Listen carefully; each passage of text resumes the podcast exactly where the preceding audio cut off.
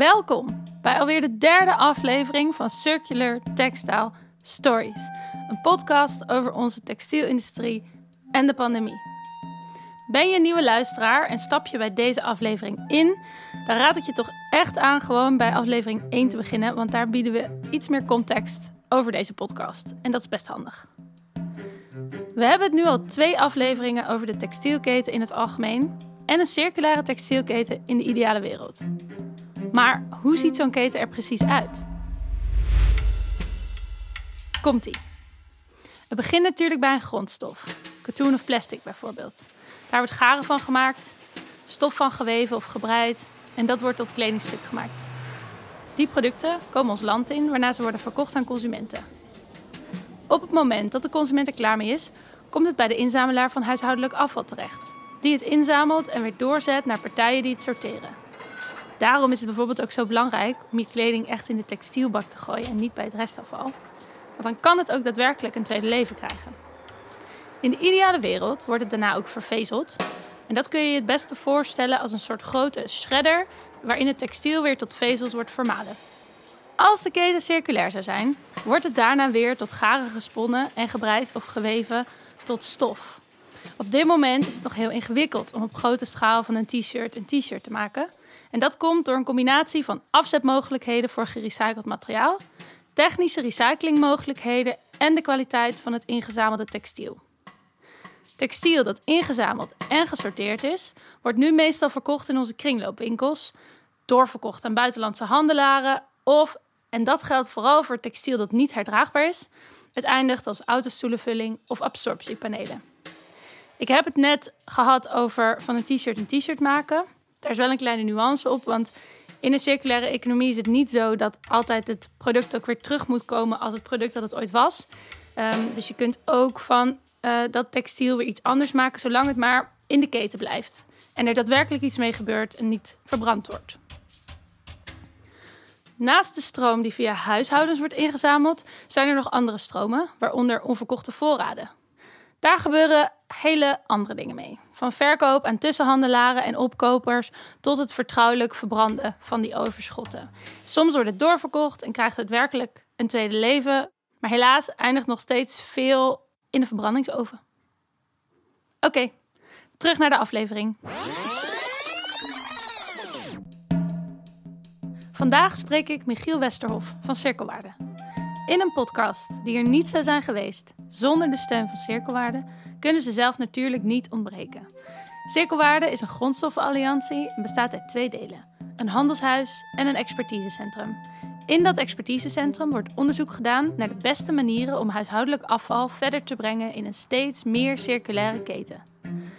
Cirkelwaarde geldt in Nederland en inmiddels ook daarbuiten als onafhankelijk expertisecentrum. Dat komt met name door de publieke aard van de bedrijven AVU, ROVA en Circulus Berkel, waar Cirkelwaarde uit bestaat. Het zijn semi-overheidsbedrijven die vooral baat hebben bij een zo goed mogelijke herbestemming van de grondstoffen die ze inzamelen en minder bij zoveel mogelijk geld verdienen. Michiel Westerhof is hoofd van het expertisecentrum en vertelt vandaag wat er in de afvalwereld gebeurde toen corona ons land bereikte.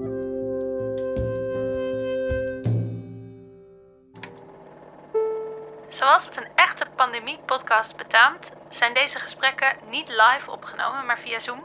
En dat kun je soms horen aan de audiokwaliteit. Oké, we gaan beginnen. Ehm, ja, nou ja, hij, is, hij, is, hij is begonnen. Oh ja, ik zie het. Oh, super. Nou, perfect. Merci. Uh, ik ben Michiel Westerhof. Ik uh, geef leiding aan het expertisecentrum binnen Cirkelwaarde. En ja, wij zijn al een groot aantal jaren met textiel in de weer om te zien hoe we dat beter kunnen verwaarden. Cirkelwaarde is uh, heel betrokken op allerlei verschillende fronten in de textielbranche, met name de afvalkant, maar ook uh, bij de overheid. En er zijn allerlei groepjes waar we in deelnemen en waar we in um, uh, onze visies delen. Kun je vertellen wat er gebeurde in de textielafvalwereld toen premier Rutte de intelligente lockdown afkondigde? Ja, toen de lockdown werd uh, afgekondigd, toen werd de afvalsector als vitaal gekwalificeerd. Dat betekende eigenlijk dat de sector uitgedaagd werd om al zijn activiteiten voor te zetten. En uitgerekend bij textiel leverde dat wel de nodige uitdagingen op. In de eerste plaats doordat uh, bleek dat er heel veel extra textiel werd aangeboden. Een mensen gingen hun kast opruimen en er werd dus uh, veel meer textiel naar textielbakken gebracht. Terwijl we ook al heel snel geconfronteerd werden met de sorteer- en afzetmarkt van, uh, van textiel, zoals die op het ogenblik georganiseerd is, namelijk heel sterk op het buitenland gericht, dat er allerlei afzetmarkten dichtgingen. Uh, er was zelfs het gerucht dat het uh, coronavirus via kleding overgebracht zou kunnen worden. En dat heeft er mede toe geleid dat in allerlei Oost-Europese landen de markt dichtging. Tegelijkertijd waren de tweedehands winkels in Nederland gingen ook dicht. Dus er was geen verkoop meer van tweedehands kleding. Dus bij een toenemende hoeveelheid textiel die ingezameld werd en een stagnerende of geheel stopgezette afzet, krijg je natuurlijk dat er dan uh, grote voorraden gaan ontstaan. In sorteercentra zoals wij die in Deventer hadden, kregen we ook te maken met de uitval van personeel. Met name kwetsbare groepen die uh, niet meer op het werk durfden te komen. Dus allerhand uh, uitdagingen om, om op te lossen. En dat heeft al heel snel ertoe geleid dat de VAT, de brancheorganisatie, die Vereniging Herwinnen Textiel geheten, dat die uh, een brandbrief uh, schreven naar Den Haag. Daar is ook overleg voor georganiseerd tussen die brancheorganisatie, het ministerie, VNG en NVD. Een van de eerste maatregelen was dat de vergoedingen die voor textiel werden gegeven, dat die bevroren of opgeschort werden. Om te voorkomen dat de partijen die daar werk mee maken om zouden vallen. Dus dat is gebeurd. Dat is eigenlijk een praktijk die tot op de dag van vandaag nog steeds voortduurt en uh, voorlopig ook lijkt voor een belangrijk deel voor te gaan duren. Uh, dus dat betekent dat ook op gemeenten een, een, een, financiële druk kwam te staan van ja, wat moeten we eigenlijk met die gescheiden inzameling van textiel? Die willen we hem in stand houden, we willen hem voortzetten. Maar tegelijkertijd bij het achterwege blijven van vergoeding gaat die ons wel geld kosten. Nou, dat zijn, dit zijn allemaal ontwikkelingen die ik even in een nutshell uh, samenvat. En die uh, in een groot deel uh, van het begin van de eerste lockdown begon. Daar is wel weer een soort van relaxedheid in teruggekomen doordat de markten weer open zijn gegaan. Ook weer verkoopkanalen open zijn gegaan. De bottom line is nog steeds dat het heel kwetsbaar en gevoelig is. En zeker nu ook met de tweede lockdown is maar helemaal de vraag of we niet weer terugschieten in de oude problematiek. Maar er was natuurlijk eigenlijk iets wat al een beetje in gang was. Want er waren natuurlijk al landen die zeiden: we hoeven jullie textiel niet meer. En die corona maakte eigenlijk dat het een soort van. Ja, het was een soort stressmoment waarbij alles ineens dichtging. Maar misschien ook op een bepaalde manier kan je het zien als een soort voorbode voor dat wat er misschien überhaupt gaat gebeuren, of misschien zou moeten gebeuren. Ja, wij zeggen vanuit Cirkelwaarde natuurlijk al veel langer dat uh, Nederland moet gaan werken aan zijn eigen infrastructuur van wat er met textiel, niet alleen herdraagbaar uh, uitgesorteerd, maar ook met name het niet herdraagbaar. Ik, ik liet al net vallen dat 84% van het textiel wat ingezameld wordt in Nederland eigenlijk bijna direct naar het buitenland gaat. Er blijft maar heel weinig, iets van 7 tot 10% uh, achter voor verkoop in de Nederlandse tweedehands kledingmarkt. Maar het overgrote deel wordt geëxporteerd en vaak ook nog ongesorteerd geëxporteerd. Dat betekent dat dus zowel het draagbare als het niet draagbare over de grens gaat. En we hebben eigenlijk maar heel beperkt zicht op wat er dan mee gebeurt. En uh, dat is uh, als je praat over uh, circulaire textiel en, en, ambities op dat vlak, zoals we dat ook nu in de, in de Rijksnota's zien uh, hè, naar circulair textiel, we willen de kringloop sluiten.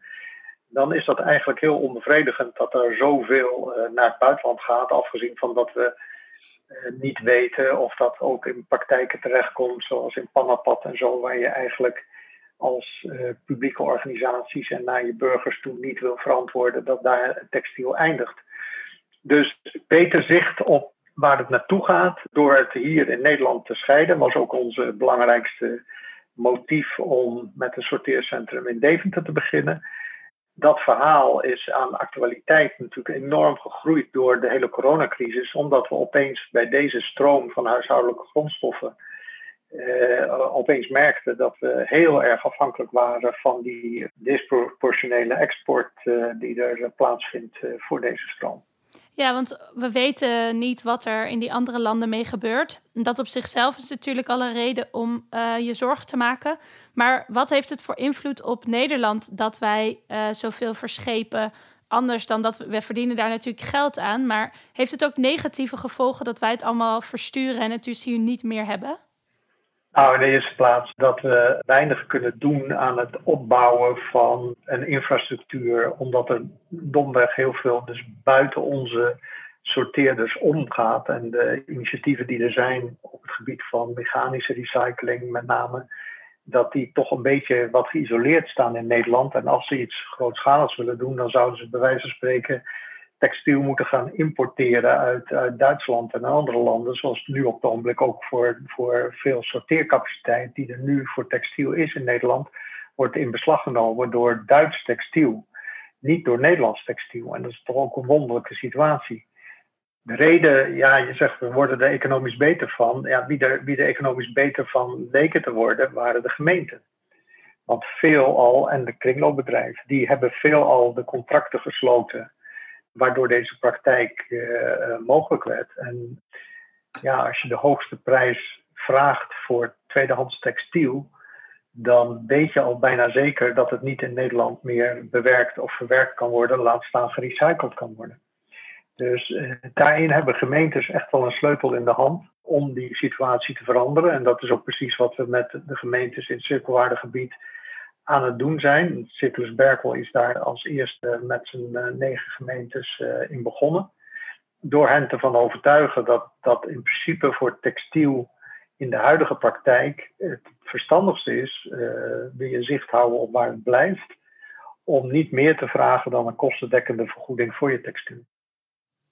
Ja, en um, dat linkt natuurlijk ook een beetje aan die brandbrief van de VHT, waar je net even over vertelde. Want die hebben die brandbrief gestuurd en toen zijn er een soort van noodmaatregelen genomen eigenlijk om te zorgen dat de boel niet te veel gestrest zou worden in, de, in die hele inzameling. Maar lijkt het er ook op dat maatregelen die uit die brandbrief voortkwamen blijven bestaan? Nou, dat is nu, nu heel erg onderwerp van gesprek de situatie is nu heel kwetsbaar. Er wordt door uh, partijen mondjesmaat dus weer geëxporteerd. Uh, dat is dus eigenlijk nog steeds de oude praktijk.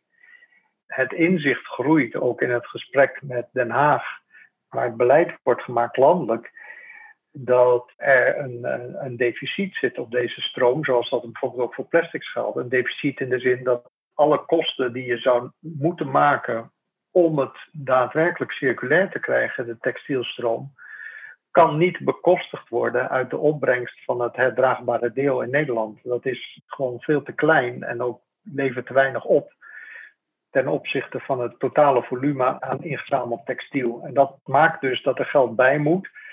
En daarom wordt ook door ons erop aangedrongen bij Den Haag dat er tempo wordt gemaakt bij het hele concept van producentenverantwoordelijkheid.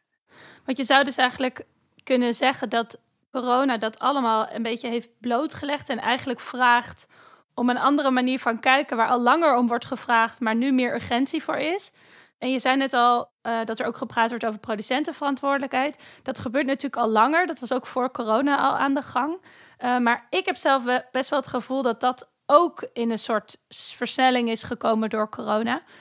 Kun je iets meer uitleggen over wat producentenverantwoordelijkheid voor textiel precies inhoudt en hoe ze daar nu in Nederland mee bezig zijn? Ja, uh, het is aangekondigd in het beleidsprogramma Circulair Textiel, wat uh, Tientje van Veldhoven naar de Kamer heeft gestuurd.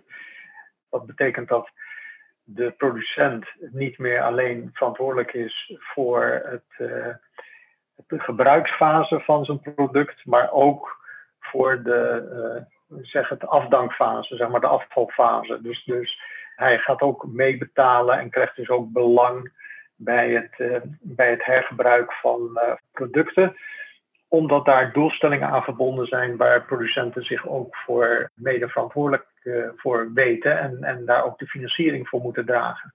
En um, wat is de visie van cirkelwaarde op deze producentenverantwoordelijkheid voor textiel?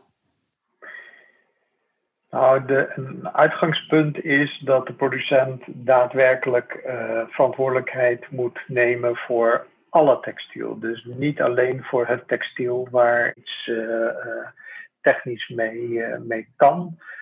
Als het nog alleen maar verbrand kan worden doordat het slecht is gemaakt of doordat het niet, überhaupt niet te recyclen is, dan moet dat geen belemmering zijn voor de verantwoordelijkheid. Dus de verantwoordelijkheid is niet iets wat je wat je naar bevind van zaken en bevind van techniek kunt, uh, kunt beperken of niet. De, het gaat om een integrale verantwoordelijkheid voor alle textiel. Dus ook het huishoudtextiel.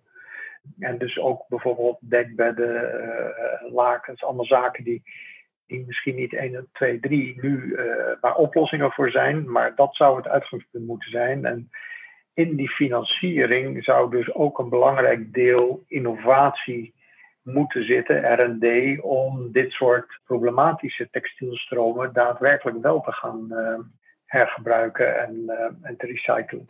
Is dat dan ook de kans die Cirkelwaarde ziet in zo'n uh, uitgebreide producentenverantwoordelijkheid? Ja, maar ook in de zin dat we niet in een continu gevecht met elkaar moeten komen binnen een keten waar partijen aan de ene kant zoeken naar de laagst mogelijke kosten en aan de andere kant partijen uh, zoveel mogelijk van hun, uh, van hun afval af uh, willen komen. En wat is volgens jou de rol van de gemeente daarin?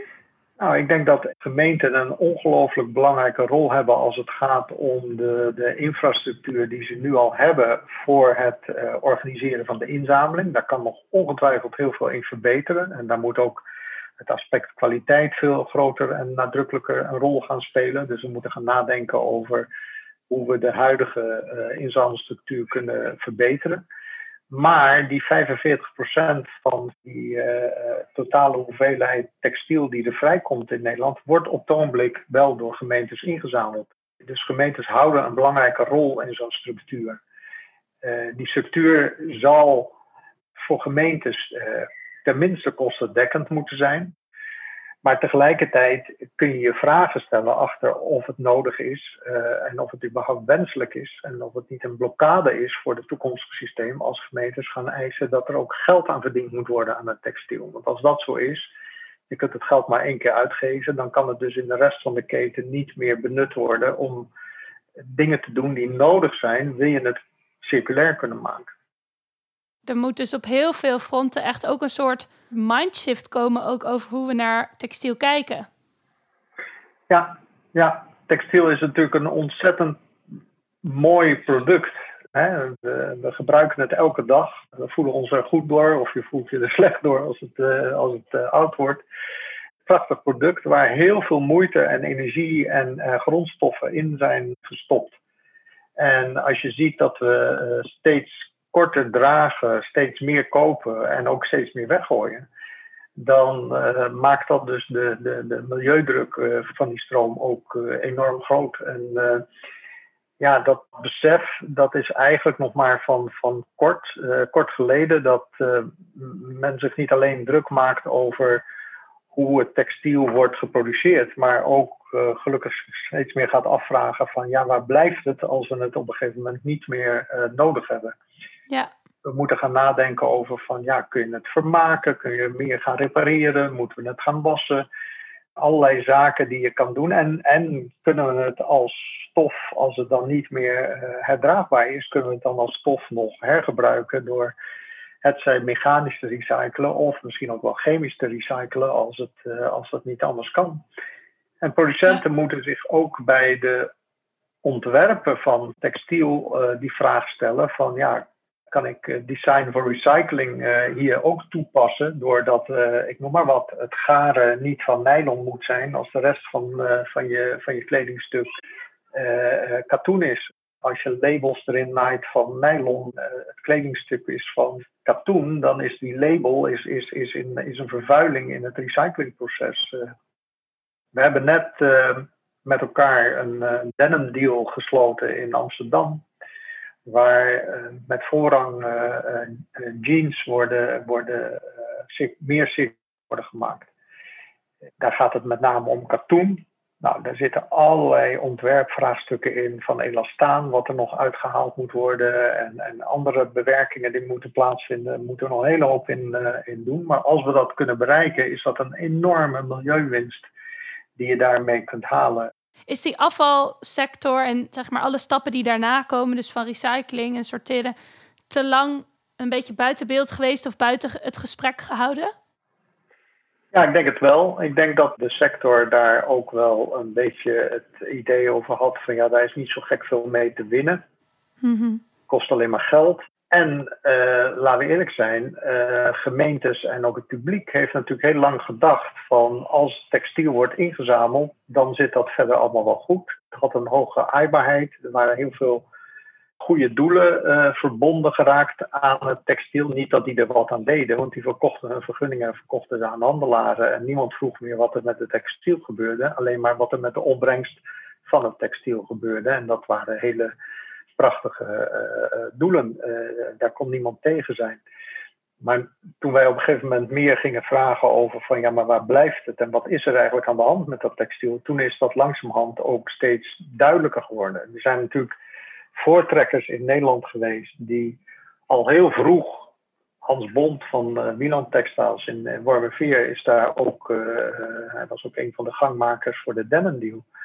Die is jaren geleden al in Panapad geweest en heeft daar gezien waar textiel kon blijven en wat voor toestanden met kinderarbeid en slechte arbeidsomstandigheden en werken met chemicaliën op een volstrekt onverantwoorde manier die heeft daar de conclusie uitgetrokken van ja, ik moet dat in Nederland anders gaan doen. Ik moet daar een eigen sorteerbedrijf voor gaan maken. En die zal uh, jarenlang uh, pleit bezorgen van ja, laten we nou in Nederland meer en in Europa meer gaan doen om dit soort wantoestanden in verre landen tegen te gaan ja, dus het hele verhaal is inderdaad onder wat je zegt onderbelicht geweest. Is, is, is niet veel aandacht voor geweest. En gelukkig uh, is dat nu veel, veel sterker geworden. En, en, ik denk dat wij daar ook een steentje aan hebben bijgedragen. Ja. Wat is volgens jou de rol van die burger, wat een consument is natuurlijk, in dit verhaal, in dit circulaire textielverhaal? Ja, kijk, tuurlijk, het aankoopgedrag van burgers is bepalend. Maar het probleem is ook dat, dat burgers uh, niet de informatie bijna kunnen krijgen over de dingen die ze kopen. Laat staan wat er gebeurt met wat als ze het in bak A of bak C uh, gooien. Dus we zullen veel meer burgers moeten informeren over wat er feitelijk gebeurt. Dat geldt overigens niet alleen voor textiel, maar ook over voor plastics. En dat geldt ook voor voor, voor, voor glas en papier. Uh, er wordt van, van, van bewoners wordt er heel veel gevraagd. En eigenlijk is de, de prestaties die, die geleverd worden door de, door de afvalsector worden nog maar heel mondjesmaat teruggekoppeld naar, naar die bewoner. Laat staan dat hij daar zijn keuzes op zal gaan baseren. Er zijn natuurlijk altijd bewoners die wij gelukkig ook kennen, die, die heel bewust zorgen dat ze met zo min mogelijk afval naar huis uh, gaan. En, en op die manier eigenlijk alle, alle beleid van gemeentes overtreffen in hun eigen gedrag. Maar voor de meeste mensen is afval, afvalgedrag toch eigenlijk een heel erg secundair of tertiair uh, iets wat, wat op gewoontes is gebaseerd. En, en als, als daar niet aandacht, informatie en, en bewustwording wordt gegeven, ook vanuit, uh, vanuit ons type organisaties, ja, dan, dan uh, kun je daar niet van verwachten dat het opeens helemaal anders wordt. Alhoewel er is veel meer belangstelling voor, gelukkig voor tweedehands kleding. Dus dat aankoopgedrag is natuurlijk ontzettend nuttig. Het zal heel fijn zijn als in de toekomst kopers ook gaan zien hoeveel recycled materiaal in hun te kopen kleding zit. We hebben daar doelstellingen voor nu. En dat moet al heel snel gaan groeien. Nou, ook daarvan weten we dat als het natuurlijk niet gevraagd wordt, in de eerste plaats door de producent, maar zeker ook door de consument, en dat die daarvoor open staat en daar ook nut en noodzaak van ziet, ja, dan komt dat proces ook niet op gang. En moet de afvalsector, of zeg maar spelers in die sector, daar meer verantwoording voor afleggen? Zeg maar als een soort jaarverslag bijna. Misschien delen met hun burgers wat er nou precies gebeurt, om ze ook te laten inzien dat dat dus zin heeft? Ja, dat is absoluut zo. En, en dat is ook tegelijkertijd de uitdaging, want we, we kennen allemaal het fenomeen van, van de plastics. Iedereen denkt dat plastics gerecycled wordt. Dat is ook zo, maar nog lang niet zoveel als zou moeten. Bij textiel is het plaatje nog veel schrijnender. Er is minder dan 1% van het textiel komt terug als textiel. Dus uh, zover uh, hebben we nog te gaan. Maar die waarheid, die, die hoe, hoe de vlag erbij hangt, dat moet wel transparanter worden en moet wel gecommuniceerd worden. Niet met de mededeling erachteraan dat het dus allemaal geen zin heeft. Nee, het, het moet een aansporing zijn om nog veel meer te gaan doen. En te begrijpen dat daar ook de enige uh, duurzame ontwikkeling ligt die we met elkaar uh, zouden moeten zoeken. Ja, precies. En als je het dan zo grosso modo een beetje bekijkt, eh, wat er nou de afgelopen maanden is gebeurd in die sector, alle ontwikkelingen, kun jij op een bepaalde manier voorzien wat komende tijd, zeg maar, de impact nog gaat zijn van corona op deze industrie? Nou ja, ik denk dat dat is niet alleen voor textiel, maar ik denk dat dat voor veel meer ketens, ook voor de voedselketen en allerlei andere uh, ketens, het besef groeit dat de afhankelijkheid van hele lange internationale ketens uh, dus grote risico's met zich uh, meebrengt.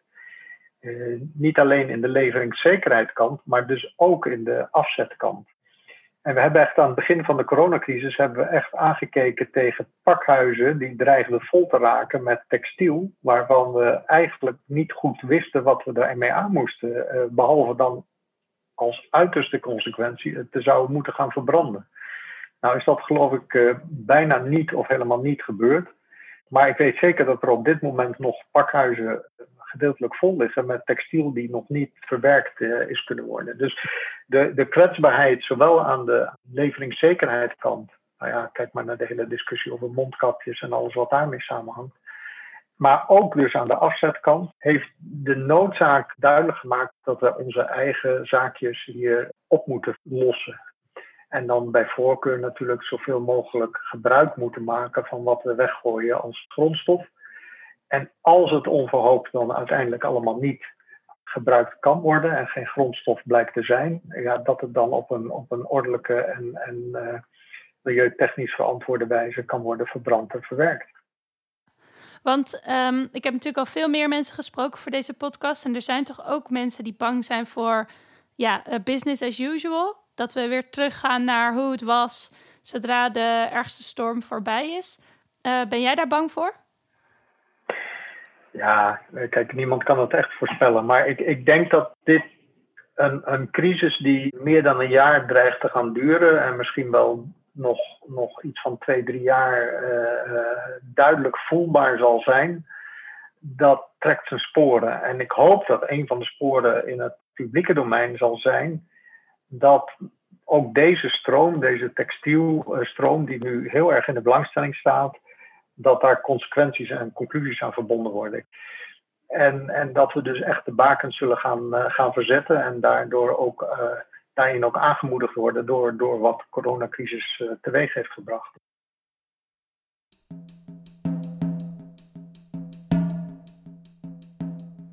Zo, ben je er nog?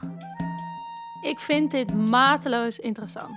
Deze podcast, afval, de mode-industrie. En als je deze podcast hebt aangezet, denk ik dat je ook zin had in een deep dive in deze wondere wereld vol mogelijkheden en struggles. Betekent natuurlijk niet dat het altijd simpele kost is. Ik probeer daarentegen wel de boel een beetje behapbaar te maken. Dus laat het me vooral weten als je feedback hebt. In de show notes vind je een heleboel extra informatie. Bijvoorbeeld over de brandbrief van de VHT, de Vereniging Herwinning Textiel. Het sectorplan over de verduurzaming van de textielbranche in Nederland van Modint. Een reactie daarop van Cirkelwaarde en een club van andere partijen uit de afvalbranche. Het beleidsprogramma Circulair Textiel van Stintje van Veldhoven. En informatie over producentenverantwoordelijkheid. Veel dank weer voor het luisteren. Deze aflevering werd gemaakt door Jeppe van Kesteren en mijzelf, Rosa Scholtens. Cirkelwaarde maakt dit alles mogelijk en in de show notes vind je alle linkjes naar websites en bronnen. Veel dank ook aan Michiel Westerhof voor deze aflevering. Volgende aflevering spreek ik mijn moeder, die al 30 jaar retailer is, over het effect van deze pandemie op haar branche. Tot de volgende!